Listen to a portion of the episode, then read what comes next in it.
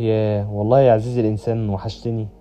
وأنا كمان وحشتني قوي الفترة اللي فاتت دي آه ما كانتش أحسن فترة بالنسبة لي وكنت بحاول أتعافى منها أو اموف اون وخلينا صراحة كده مش علشان هي كانت في الماضي يبقى خلصت لأ. عايز اقولك إن لحد قريب كان ليها تأثير عليا. بص مش هنلوك كتير. خد نفس وتعالى اقولك اتغلبت عليها إزاي.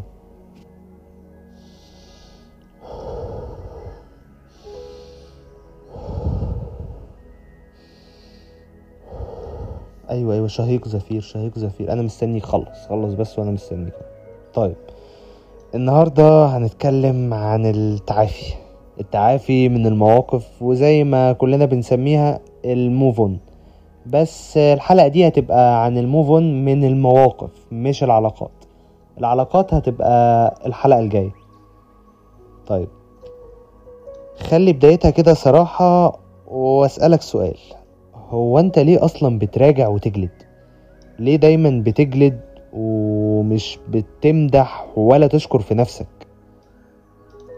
طيب خليني كده نجاوب بسببين واحد كويس وواحد مش أحسن حاجة. نبدأ بالكويس عشان يبقى عندك مناعة إنك تتصدى للتاني. الكويس إن أنت بقيت أحسن. آه والله أنت اتطورت. في الشويتين دول فحسيت إن اللي أنت عملته في الماضي ما كانش منك أو بمعنى أدق ما كانش أنت ولكن شخص تاني مراهق الفكر ومتسرع. التاني بقى اللي هو الأوحش إنك بتحاسب الشخص اللي في الماضي بوعيك وفكرك المتطور دلوقتي. يا أخي ده حتى أسلوب الجلد بيكون تطور. وده مش صح. انت بقيت شخص عاقل وناضج ولازم تفهم انك كده بتحاوط نفسك بزون لوم وتأنيب وده هيخليك تشوف نفسك كضحية وللأسف ده هيقلل من تقديرك لنفسك. بس بص بقى المفاجأة في حاجة تالتة كنت سايبها للآخر دي بقى هتساعدك تطلع نفسك الجديدة من دايرة اللوم زي الشعرة من العجين. عزيزي الإنسان في فرصة إنك تصحح غلطتك. آه. الفرص دي مش بتيجي كل يوم. إنك تقدر تعترف إن قرارك أو تصرفك في الماضي ما كانش أجمد حاجة وما كانش مناسب ليك. طيب إزاي؟ اقولك بص أنت لازم تحاول تتقبل نتيجة اللي حصل وتتخطاه. وده مش هيبقى مجرد حاجة كده هتعدي والسلام لأ. انت هتاخد بونص. بونص ده بإنك تتعلم الدرس اللي مش هيوقعك تاني في موقف مشابه. ولازم تعرف إن مش فكرك انت بس اللي كان قديم لأ. في الوقت ده كان برضو كل اللي حواليك في مرحلة معينة من القدم وبيتخطوها. يعني مش مجرد انت بس اللي غلطت وكل اللي حواليك ركزوا معاك ومش هينسوا لأ. تخطيهم للمرحلة دي من القدم هيمحوا معاها غلطتك. محدش مركز معاك ومحدش حافظ لك غلطتك. زي ما انت بتتطور وبتتناساها هم كمان كده. عايز اقولك إنك لو طبقت الكلام ده مش هضمن لك إنك ما تقعش في مواقف غلسة تاني.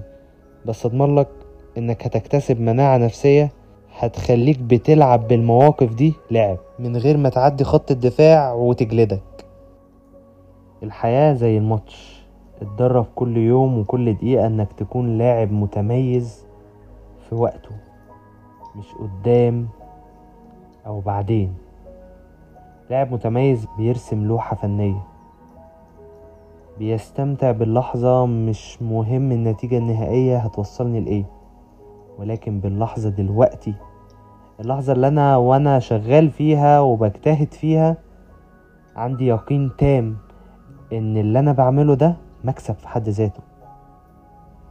إن اللي أنا بعمله ده هيوصلني لمكان أحسن كتير وأفضل كتير. يقين تام بكده ما يكونش عندي شك ولو بواحد في المية إن أنا لأ إن في حاجة غلط إن في تقصير مني. لأ أنت كل دقيقة بتتطور عن الثانية اللي قبليها. ما تجلدش نفسك عن أي موقف عدى أو تأنب نفسك بل بالعكس. انت الثانية اللي عدت في أي نقاش مع شخص تاني أو في غلطة انت عملتها؟ أنا عايز أقولك إنك اكتسبت خبرة.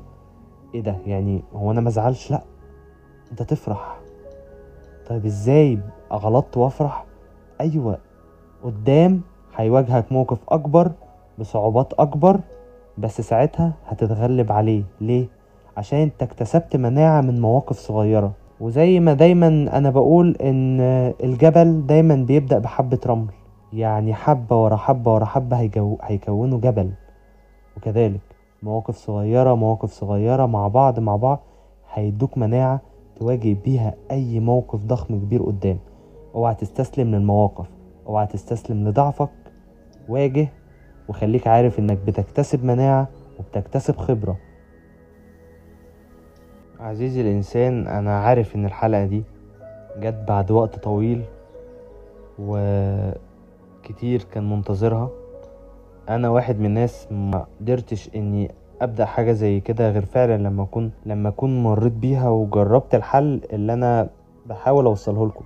برغم اختلاف فكر كل واحد فينا ولكن أكيد في مضمون الحل لكل مشكلة هيبقى فيه ولو نقطة صغيرة ممكن تكون مفتاح. للحل عندك انت. فأتمنى إنها تكون فعلا ساعدتك إنك تتخطى مواقف كتير كانت مضايقاك ومتعلقة معاك من الماضي. وانتظرني إن شاء الله في الحلقة الجاية اللي هتكون ليها علاقة كبيرة بإزاي أتخطى أو اموفون العلاقات. ودمت بسيط على طول.